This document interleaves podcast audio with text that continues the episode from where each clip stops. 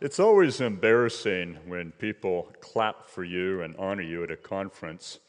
It reminds me of a picture I saw uh, last year that uh, there was a parade in downtown Rome, and they had the street blocked off, and on both sides of the street, it was filled with people waving flags and cheering.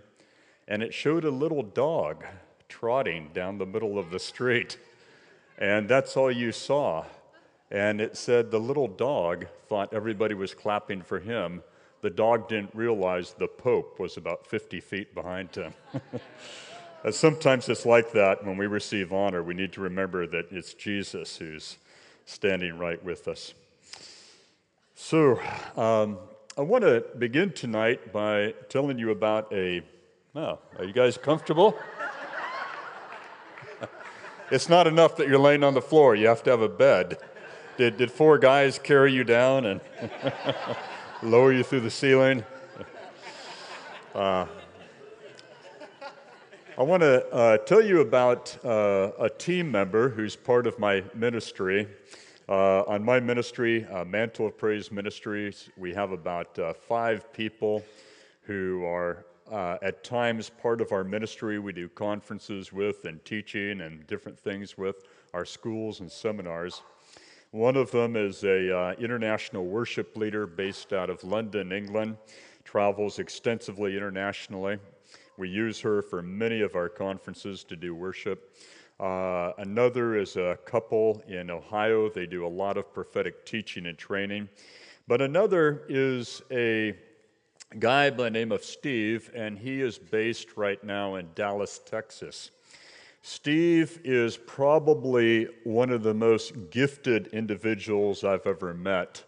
He's an extremely good prophetic teacher and preacher, but yet his primary prophetic gifting is in the media.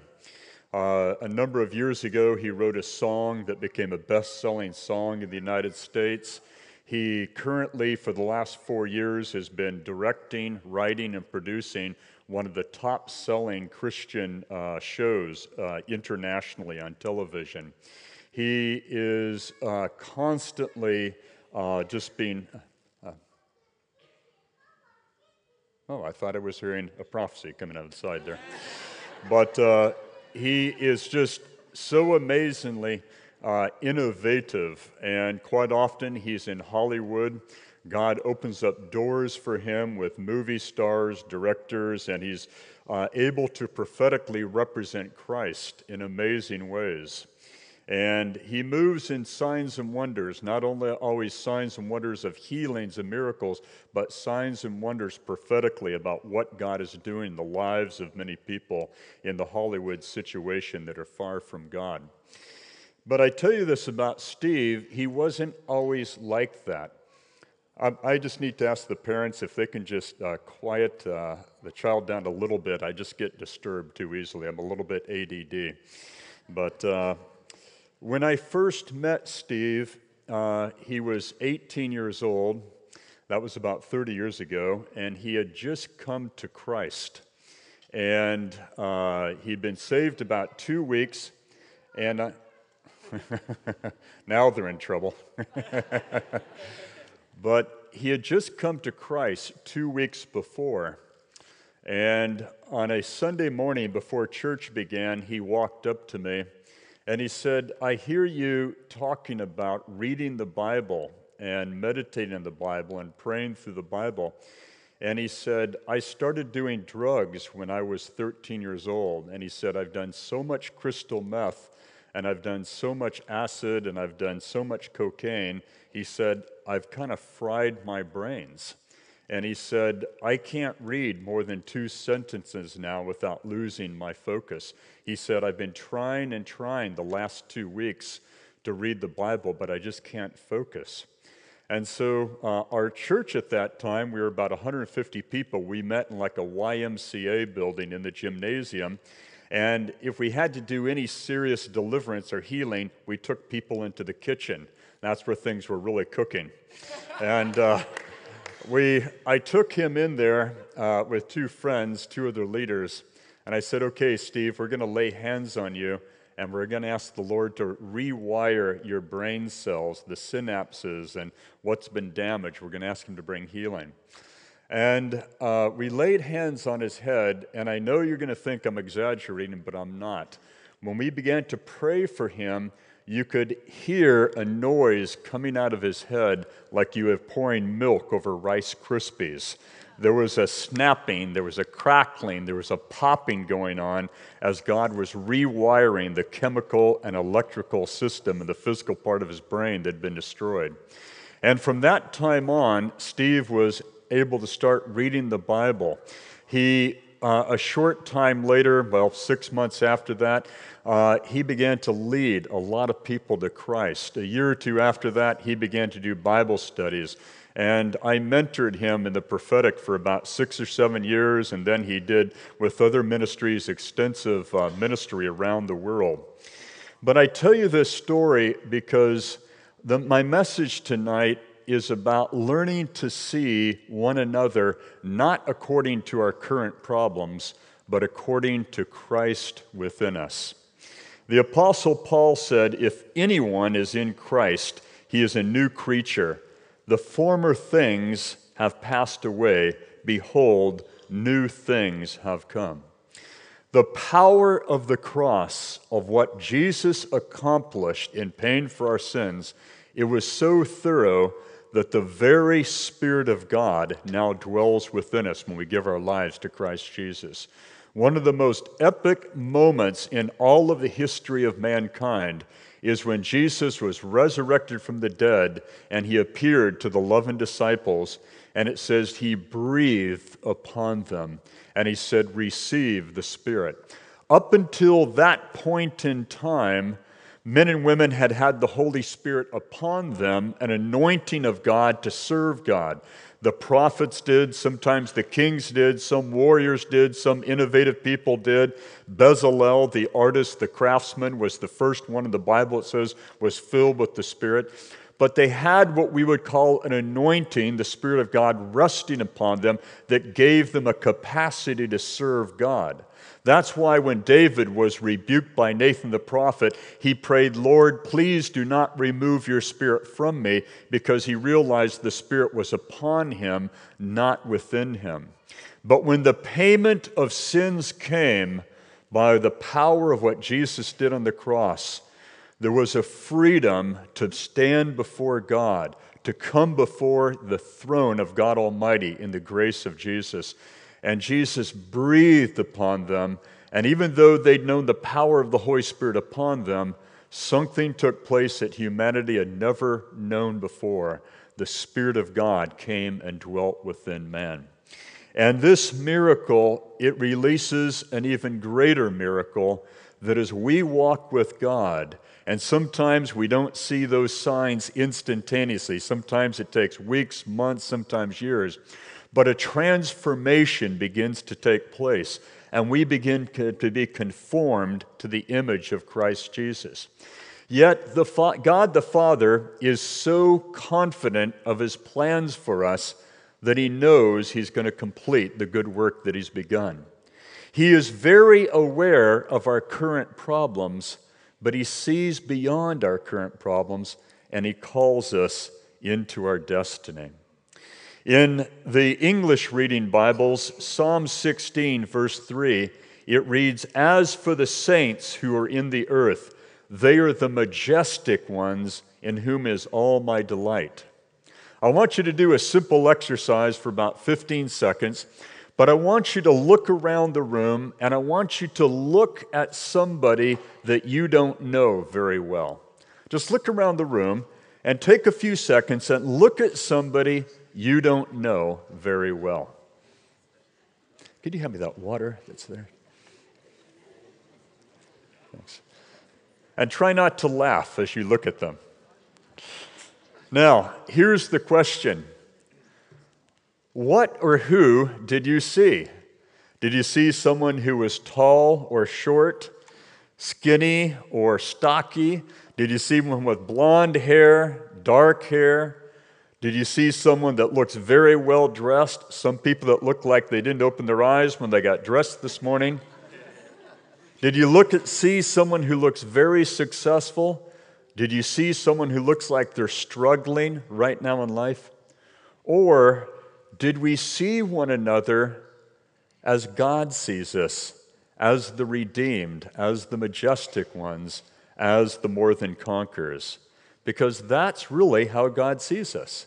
He is aware of our problems and He's committed to bringing us healing in the midst of our problems, but He knows the identity, He knows the calling He has for us, and He's working everything towards that. There's a story of a church in Los Angeles that every Wednesday night they had a prayer meeting. And it was one of those prayer meetings that after worship, you could wait till you had an opportunity. And when you had an opportunity, you could stand up and pray. You could pray for unsaved relatives. You could pray for the city. You could pray for the church. You could pray for the nation. But everybody who wanted to had about, you know, three minutes to pray out loud. There was one man in the church, however, that was in and out of alcohol. For about maybe nine months, he'd be doing really good, walking with the Lord in fellowship and doing good in life. But then he'd fall, uh, you know, fall off the wagon, and for about two or three months, he would just be drunk as a skunk. Although nobody's ever seen it, you don't even have skunks in Norway, do you? But anyway, he was very drunk. and, you know, nobody would see him, nobody could find him. He'd just be, you know, just gone somewhere. And then he'd start coming out of it. He'd start going back to church and he'd get straightened out and do good for a number of months. And this cycle went on for several years.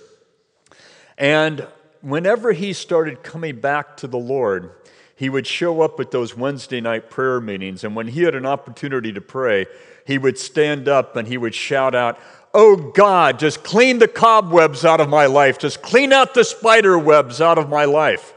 And he, he had done this many times over the years.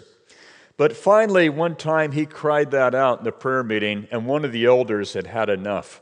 And that elder stood up and said, No, God, don't do it. Kill the spider. And I like this story because sometimes we give room for things in our life that God doesn't want to give room for. And sometimes, rather than just continually asking forgiveness, God just wants to put that thing to death in the power of the cross. But that's a, a slightly different message. But the reality is, God sees you and I very differently than we see one another. I told the story, I think, Friday night of when Jesus first met Peter. And at that time, Peter's name was Simon, that in the root word, it means weak. It means one easily bent over.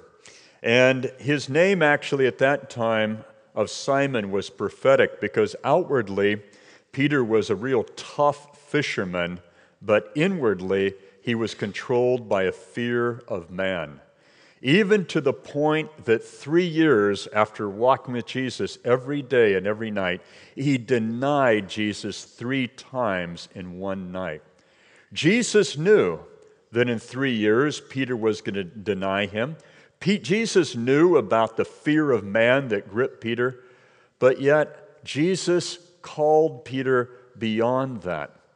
And at that first meeting in John chapter 1, verse 42, Jesus said to him, Right now you're called Simon, but you shall be called Cephas, that we translate as Peter.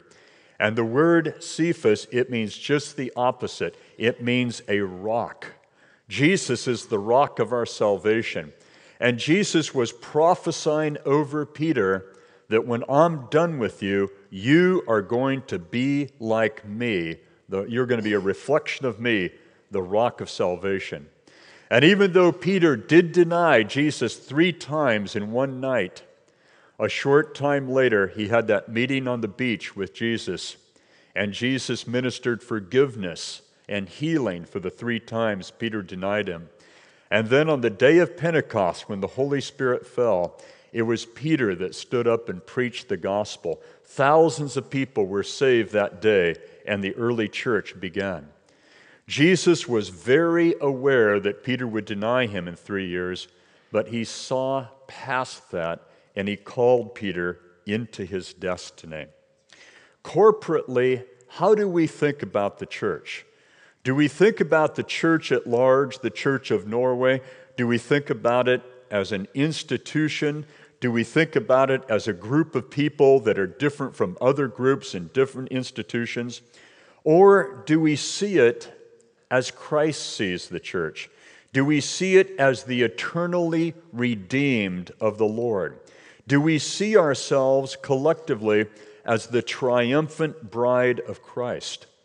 Do we look upon one another and see the problems, see the shortcomings, see the failures? Or do we see, as Paul said in Romans 8, one who is more than a conqueror? And we talk about the need of the prophetic in the church, but the heart of the prophetic is allowing us to see one another as Christ sees us, with our potentially, our potential, our destiny, and the goodness of God Almighty dwelling within us. In 1 John chapter 3 verse 2, John wrote, "Beloved, now we are children of God, and it has not yet appeared as what we will be, but we know that when he appears, we will be like him, because we will see him just as he is." And everyone who has this hope fixed on him purifies himself just as he is pure. And if you were to drop down to verse 11, John wrote, For this is the message which you have heard from the beginning, that we should love one another. If you were here last night, you understand that I love it when God does healings and miracles, signs and wonders. I love it because it's a breakthrough of the kingdom of God. It's a demonstration of the kingdom of God, an expression of the kingdom of God. But yet, Jesus never said, They will know you're my disciples by the miracles you do. He never said, They will know you're my disciples by your prophetic revelation. He said, They will know you are my disciples by your love for one another. Biblically speaking, love is not simply a feeling, it's not a vibe, and it's far more than a good biblical theology. John also said, Do not love in mere word or tongue, but love in deed and in truth. In the kingdom of God, the word love, it's a verb, it's an action. It implies doing things. And so to have a family together that we call the church, it means we're serving one another, we're honoring one another, we're sacrificially giving to one another. Because we deserve it, no, that's not why we love one another. If you love people just because they love you back, Jesus said you're no different than the religious hypocrites out there. But we love one another because Christ is within us and we are the redeemed of the Lord. We are the majestic ones in whom he delights. In Revelation 17, verse 14, it speaks about the enemies of Christ raging, waging war against him. And it says, These will wage war against the Lamb, but the Lamb will overcome them because he is the Lord of lords and King of kings.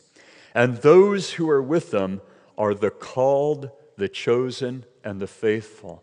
When God the Father looks upon you and I, yes, he sees a son or daughter, but he sees you as the called, he sees you as the chosen, and he sees you as the faithful ones. And the truth is, we don't always feel very faithful. We don't always feel like we're the chosen. We don't always feel like, you know, we're more than conquerors. But yet, God sees us that way because he knows the good work that he's going to complete within us. And that is why we're called to love and serve and give to one another, not because of what we deserve, but because of the grace and mercy of the cross, who we are in Christ Jesus. If you've, one person's excited, I'm glad. If you've got your Bible, turn to 2 Kings chapter 5. 2 Kings chapter 5. I'm not going to read all of this to you but I want to relate this story to you. How many of you have ever been disappointed by church life? Come on, we can all raise our hand. I'm not talking about this church, I'm talking about the church you used to go to. Come on, how many of you have ever been let down by another Christian? How many of you have ever had another Christian make a promise to you that they did not fulfill? How many of you have made a promise to other Christians that you did not fulfill? Come on. You see, we're, we're all on this journey together. In 2 Kings chapter 5, it tells the story of one of the leading Syrian generals, a man by the name of Naaman. It says Naaman was loved by the king. He was probably his favorite uh, general. He was probably a great strategician. He was probably a leader of leaders, a man's man. In fact, it says that Naaman was a great man. And it also says he was a very valiant man. So we understand he was a warrior, he was a leading general, and he was highly favored of the king. But yet he developed a very serious problem. He came down with leprosy. And if you know about leprosy in the ancient world, it was such a dreaded disease because some types of leprosy are highly contagious, and in those days, they did not know how to tell the difference. And so, if somebody came down with leprosy, forever they lived as an outcast. They had to go live in leper colonies. They would usually never get to see their family and friends again. They were completely cut off from society. But yet, the king loved Naaman, and he couldn't stand the thought of this great man who he loved just being cut off. And so this is the story of what happened to Naaman. When Naaman came down with leprosy, he and his wife had a young servant girl who was actually a Hebrew girl that had been captured on a Syrian raid into Israel. And when she heard that her master had come down with leprosy, she told Naaman's wife, I wish my master could go to Israel and be prayed for by the prophet of God because God would heal him. Well, Naaman's wife told this to Naaman, and Naaman told it to the king, and the king said, That's it. I'm going to send you to the king, and I'm going to have, I'm going to give, send gold, silver, all sorts of rewards because I want you to be healed. I need you to be healed. And so he came to the king, and the king then sent him to Elisha the prophet. And Elisha's servant one morning hears a knock on the door, and he opens the door, and here is this great general, probably with 50 or 100 of his best warriors, and he's probably got camels and donkeys that are laden with silver and gold and great values, valuables for whoever's going to heal him. And he says, My master is here to be prayed for by the prophet to be healed of leprosy. And do you know that Elisha could not even be bothered to get out of bed. He could not even be bothered to come to the door.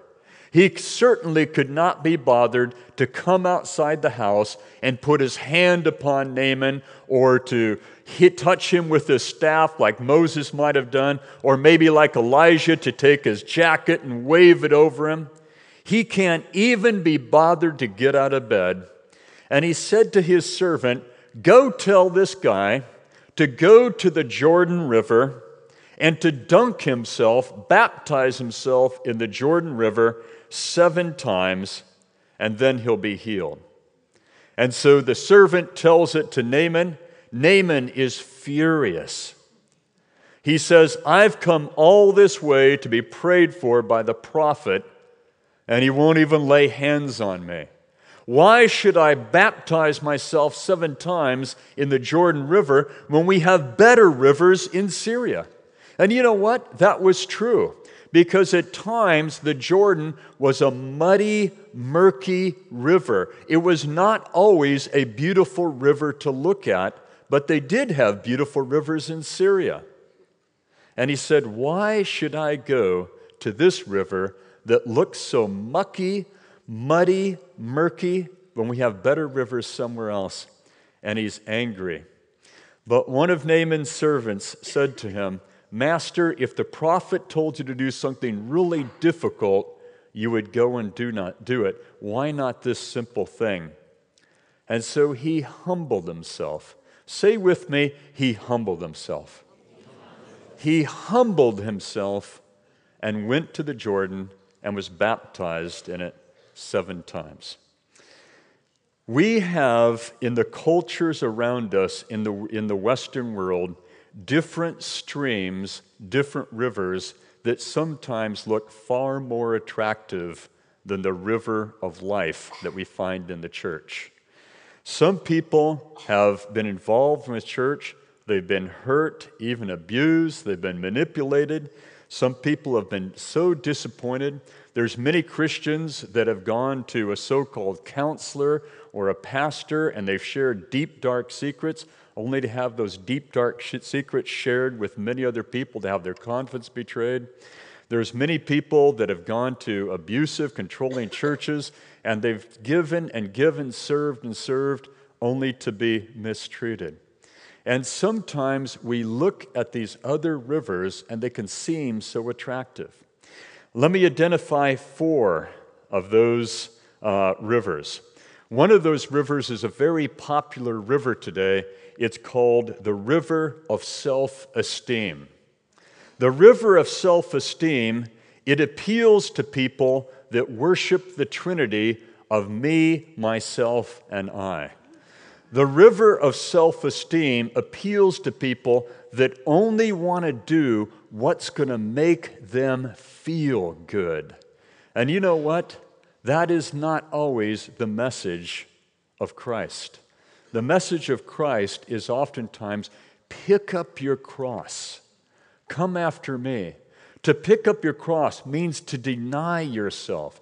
To pick up your cross means to be obedient to the Father, even if it's something you don't really want to do. We live in a day and age that is preoccupied with self. We live in a day and age in the Western world where I believe the number one disease is narcissism. Everything centers around me, everything centers around what I want to do.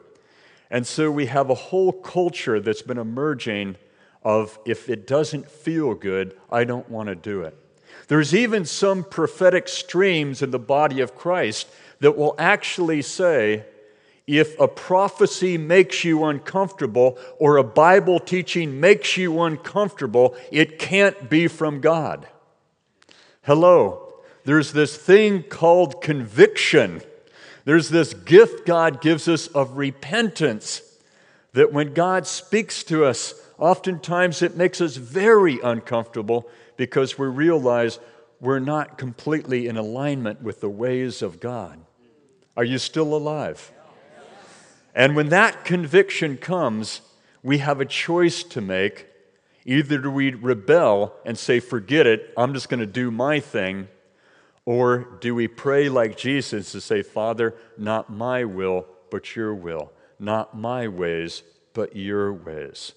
And to those people that it's all about me, the message of the cross is always going to be offensive to them.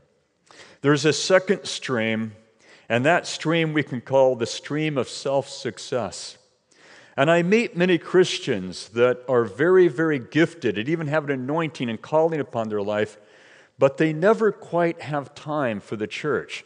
They say, Yeah, I love Jesus and church is good, but you know, I've really got to get my career going, or I've really got to make it as an artist, or I've really got to uh, break through with this goal over here. And then as soon as I get to that level, then I can get involved in the church.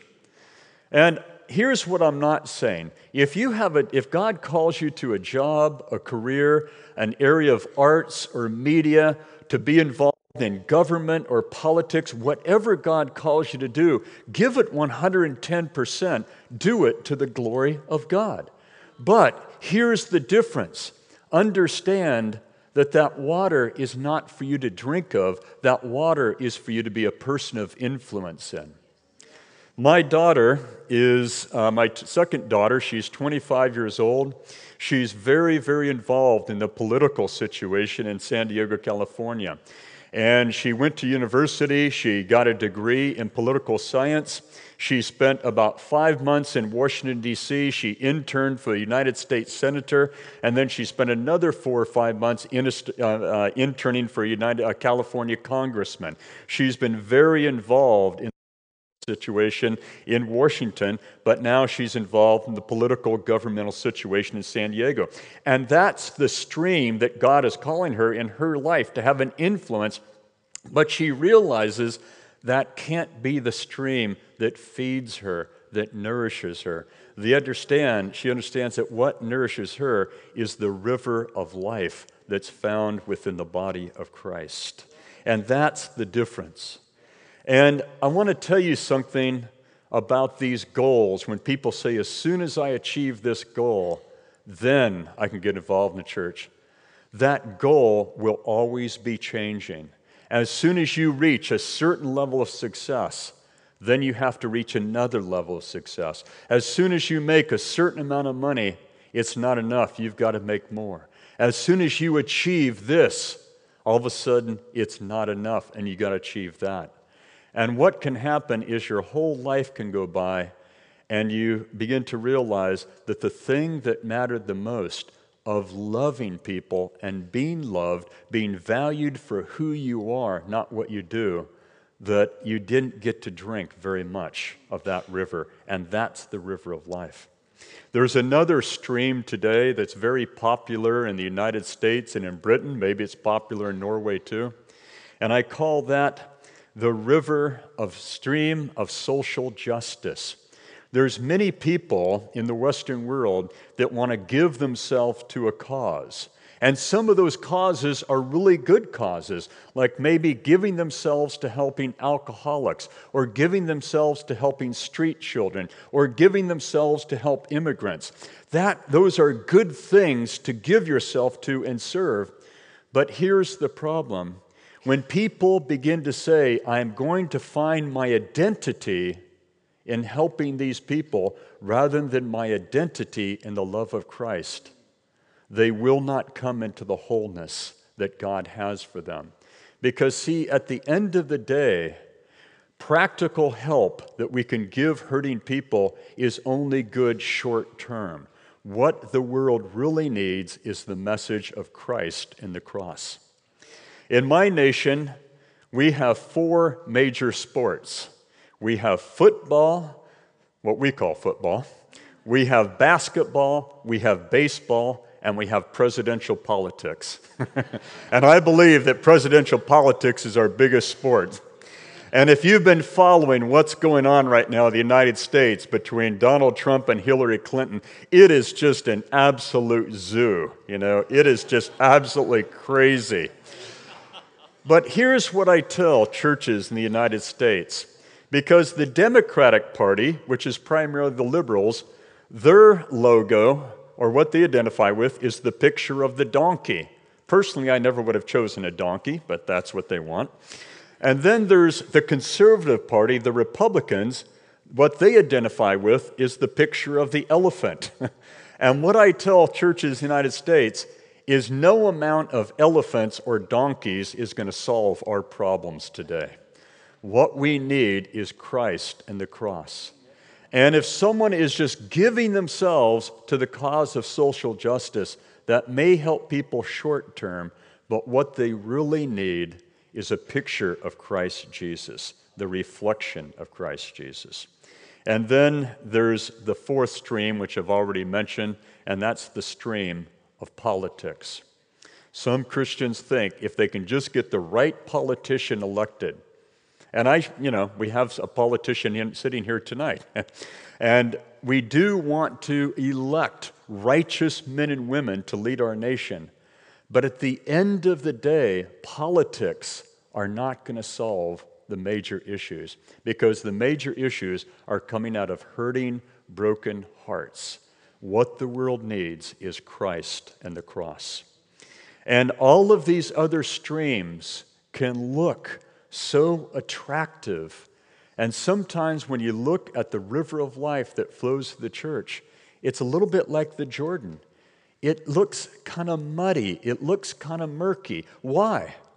Because there's people like you and me that make up that river. Church would be a wonderful thing if it weren't for the people who go there.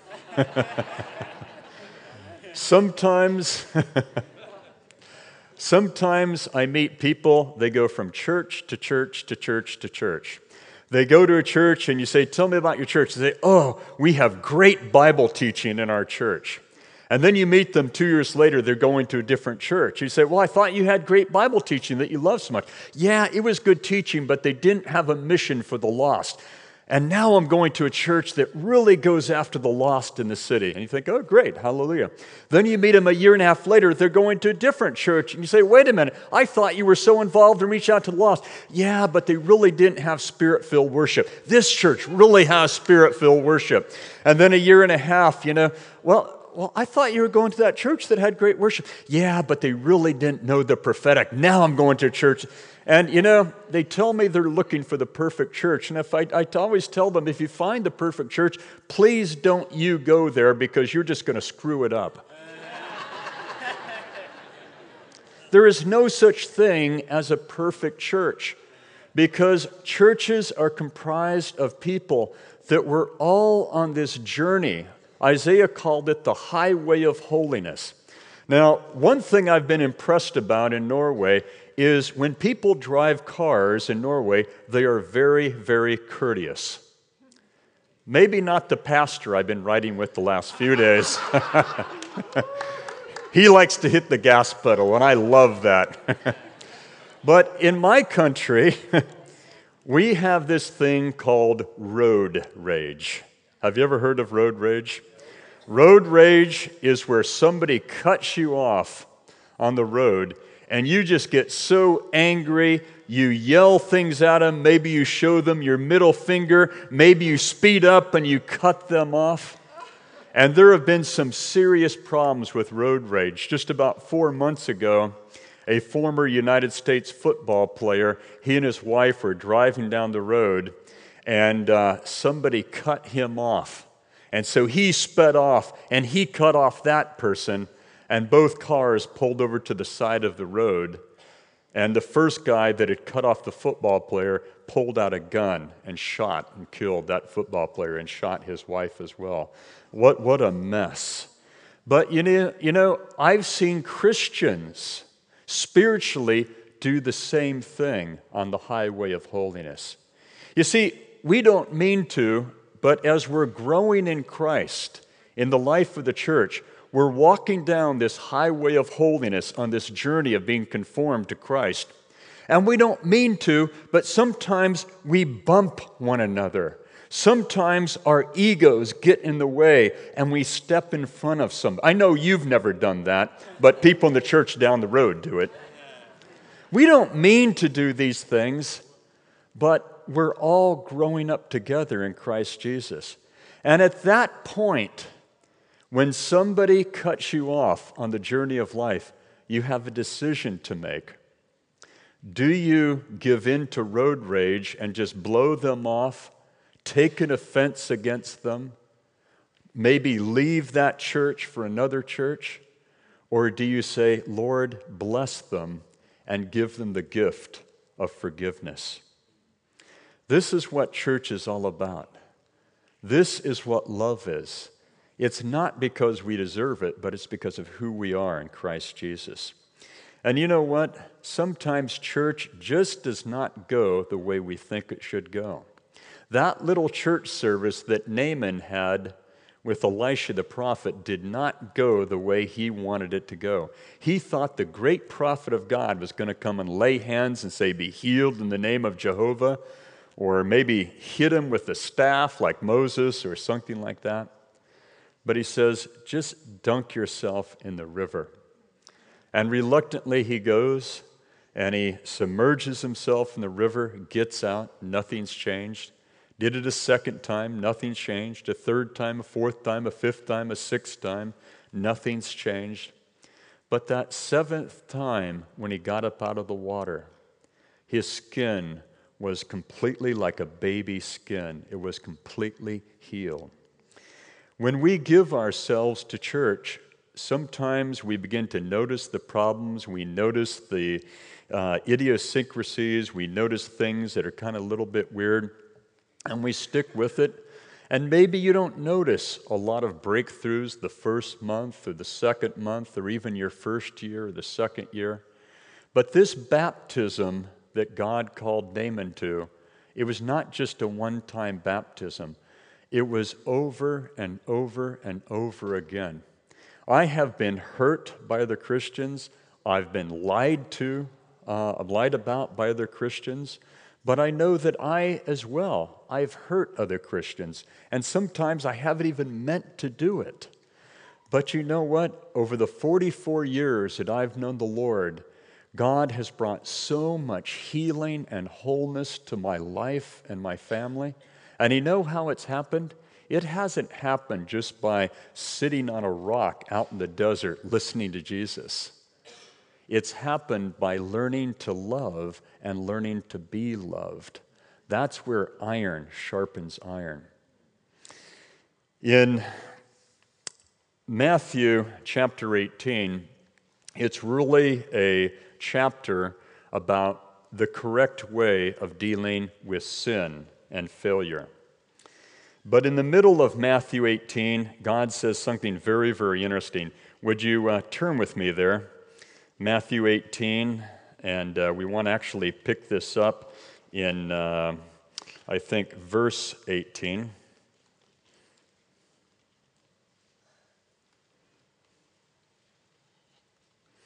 Jesus says in Matthew 18, Truly I say to you, whatever you bind on earth shall be bound in heaven, and whatever you loose on earth shall be loosed in heaven. Again I say to you, if two of you, say two of you, not just one of you, but if two of you agree on earth about anything they ask, it will be done for them by my Father in heaven. For where two or more are gathered in my name, there I am among them. In the Western World Church, we have a problem. We think about God's anointing on me. What is God revealing to me? What is God calling me to do? But Jesus said, Wherever two or more gathered, I will be in your midst. You see, God sees us as a family, He sees us as a community. And this is where our spiritual authority to represent the kingdom of God, as we talked about miracles last night, this is where our authority really manifests. Not just me doing my thing and you doing your thing in the name of Jesus, but in us as a people, as a family, serving one another, loving one another, honoring together, and going out as an army together, doing the work of the kingdom. And in the midst of Jesus telling them about the authority that he has for us, Peter said in verse 21 Lord, how often will my brother sin against me and I have to forgive him? As many as seven times? Maybe Peter was thinking about John. John was the youngest of the disciples. Maybe John was a little bit of a smart aleck. Maybe John was always just cutting into Peter. And Peter said, How many times must I forgive my brother? Seven times if he sins against me? And Jesus said, No, seven times 70. Do you think Peter thought, Wow, 490, I better get an iPad so I can start keeping track? And when he gets to the 489th time, I get to say, Peter, one more time, and I get to smack you up the side of the head. No, 490 was a number so high that you couldn't keep track of it. And then Jesus began to speak one of the most powerful parables in all of all the parables in the Gospels. He said there was a wealthy master who had a servant that we would say in today's money maybe owed him, I don't know, a 100,000 kroner. And he said to that servant, Pay me the money you owe me. And the servant said, I don't have it, I can't pay you. And the master said, I'm going to have you thrown into debtor's prison. But the servant, it said, asked for more time. But the master did not just give more time. It says the master completely forgave him of his debt. This is a picture of God the Father completely forgiving us of our debts. But then it says that servant went and found other people who owed him not a 100,000 kroner, not 50, not 10,000, not even 5,000, but like a 100 kroner, 200 kroner. And he said, Pay me the money you owe me. And when they couldn't pay him, he had them thrown into debtor's prison. It says that when the master found out that the servant that he had forgiven was not forgiving others, it says he grew angry and had him thrown into prison and handed over to the torturers. I would like to suggest to you that this is the picture of a Christian when they refuse to forgive other Christians and other people of their debts against us. You see, that servant, he still belonged to the master, but he was no longer able to enjoy the blessings of the household. Our household is the kingdom of God. Paul said it's righteousness, peace, and joy in the Holy Spirit. And I meet many Christians that don't know the peace of God day in, day out. They don't know the joy of the Father's love for them. They don't have a sense of righteousness about them. And many times it's because they have chosen to hang on to bitterness and anger towards another Christian. You see, when an offense comes, when somebody sins against you, at that moment you have a choice to make. You can choose not to take offense. You can choose to bless instead. You can choose to let go of the debt. The debt. But Jesus said in two of the Gospels if you do not forgive those who have sinned against you, your heavenly Father will not forgive you of your debts. And we talk about grace, that we're forgiven of all of our sins because of the grace of the cross. But do you know what grace really means biblically? It means the power through the cross, through the Bible, and by the Holy Spirit, so we can live a Christ like life. I was praying, I'm glad someone over here is still excited. I was uh, in a church one time, and we'd seen many people healed of bad backs. And uh, the uh, pastor said to me the next day, You know, Mark, God's healed so many people last night of bad backs, but we have a woman that's been coming to the church for about two years now. She really has a bad back, and it wasn't healed last night. Would you pray with her? So I said, Sure. So I began to talk with the woman, and I had a sense that her back problem was from internal things. And I said, Tell me about yourself. What, what has your life been like? She was about 35 years old. And she said, Well, when I was about 19 years old, I married my high school sweetheart, and we both went to medical school together. He became, went to uh, uh, doctor school, and I went to nursing school. I graduated in four years and I went to work, and I supported him the next four years because he went to school eight years altogether. And when he graduated, he started a medical practice and he was very successful. But about 10 years after we'd been married, he got into an adulterous uh, relationship with one of his nurses and he divorced me and left me for this younger woman. And I said to her, Have you forgiven him? Have you let go of that sin he did against you?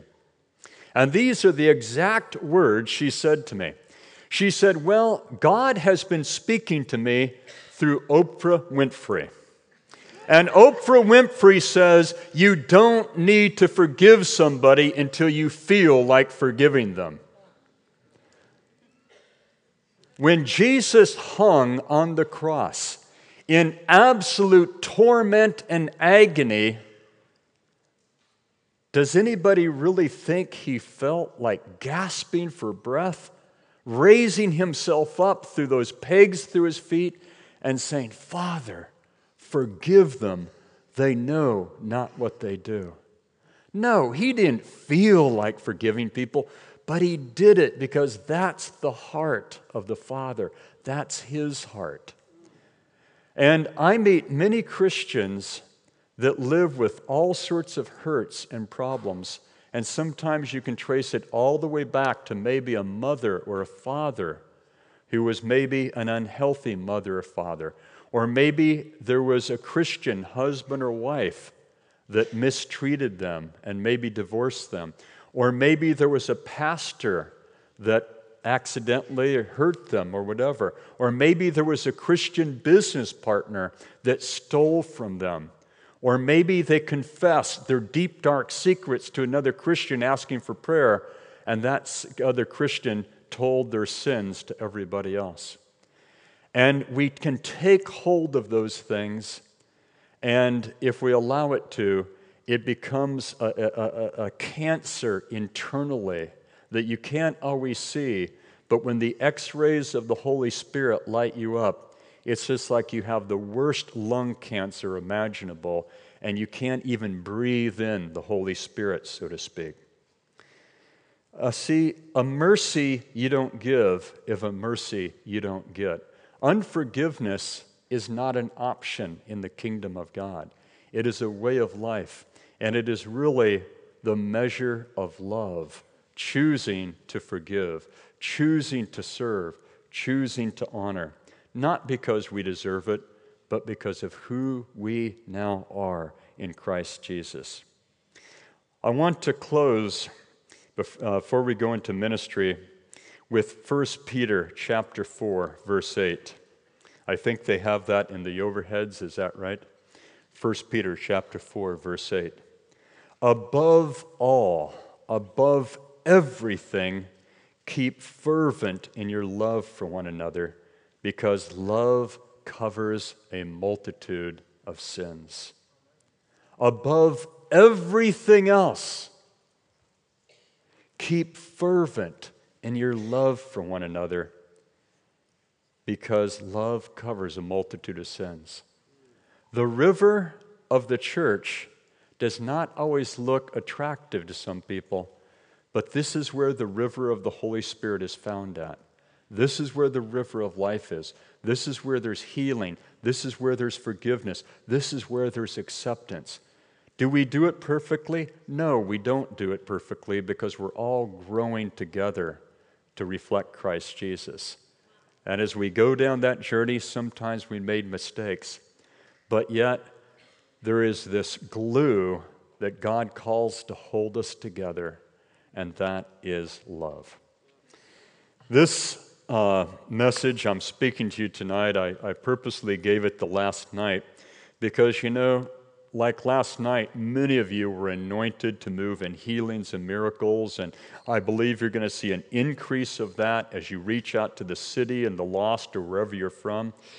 And we talked Friday night about how God is a God who calls us, every one of us, to have a destiny, to have a purpose.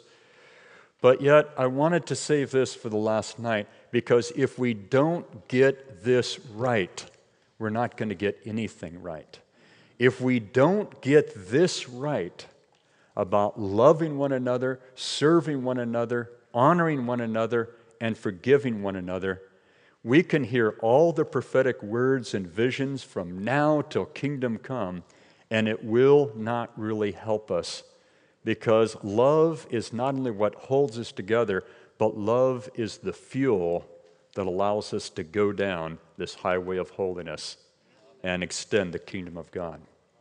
Are you still alive? Yes. Let's all stand. Got to have the worship band come back up.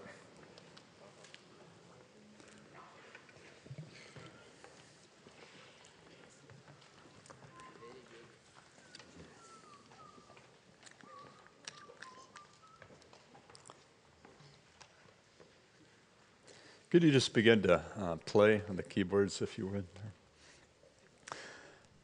I want to, uh, we're going to be praying for several different sicknesses and problems tonight, and uh, I believe there's a grace here for healing, as there was last night, an impartation.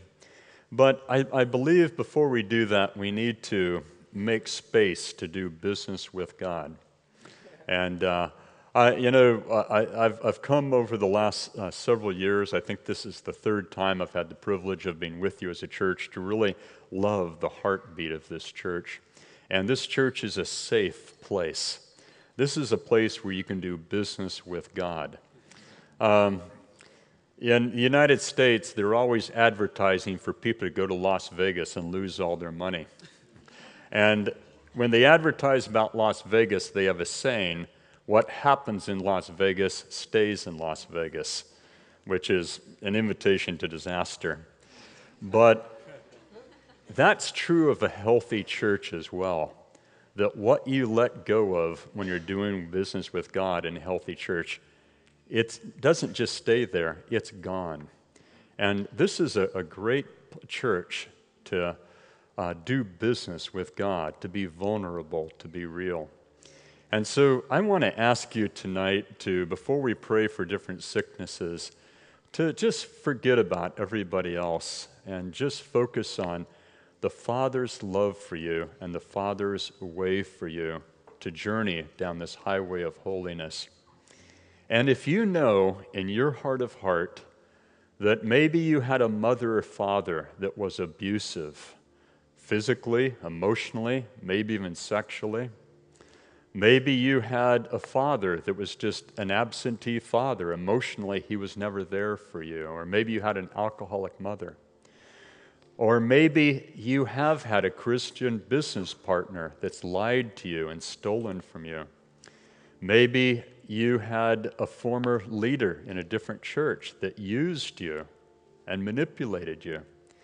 Maybe you had a former husband or wife, a supposed Christian, that mistreated you and divorced you and rejected you. It could be a number of things, but if you know in your heart of hearts that there's a stronghold of anger, bitterness, unforgiveness towards another Christian or towards a mother or father, tonight's a night to let go of that forever. Tonight's a night to realize that this race down this highway of holiness, God wants you to be free to run that without any baggage from the past. He wants you to be free to mount up with the wings of eagles and enter into all that He has for you. And so I want to give this invitation without any condemnation, because there is no condemnation in those in Christ Jesus.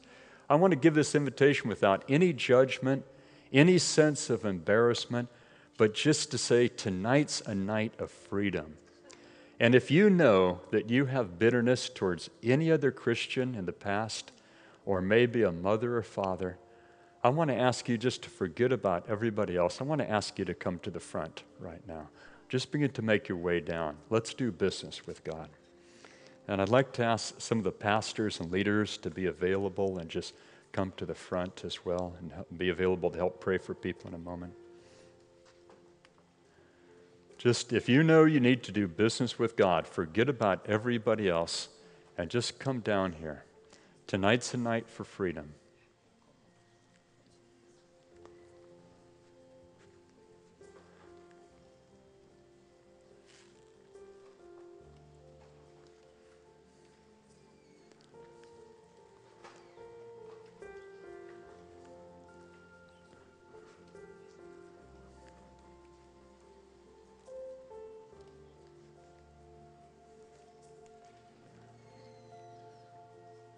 I'm going to wait a few moments because as I know there's some more Christians that God is speaking to that you need to do business with God tonight. Don't let any fear of anybody else rob you of the freedom God has for you.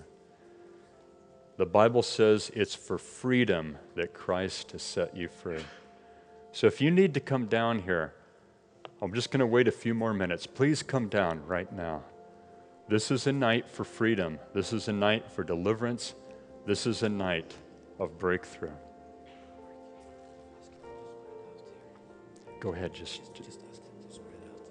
just, come of the sides here. Just come over to the sides, if you will. Just come on over.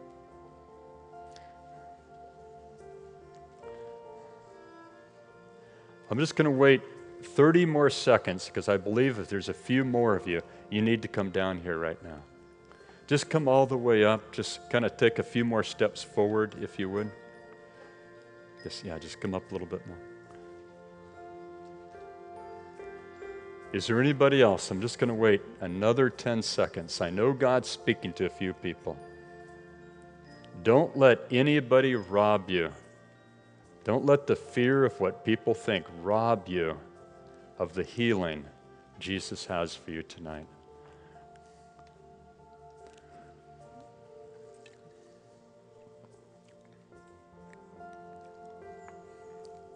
Yeah, just come all the way up. Just make room there. Yeah, just come on. Okay, could I ask everybody just to close your eyes and everybody just hold your hands and your hearts open to the Lord? And I'd like to ask everybody to pray out loud after me. Father God, you have called me to freedom in Christ. I'm choosing tonight to let go of these dead weights,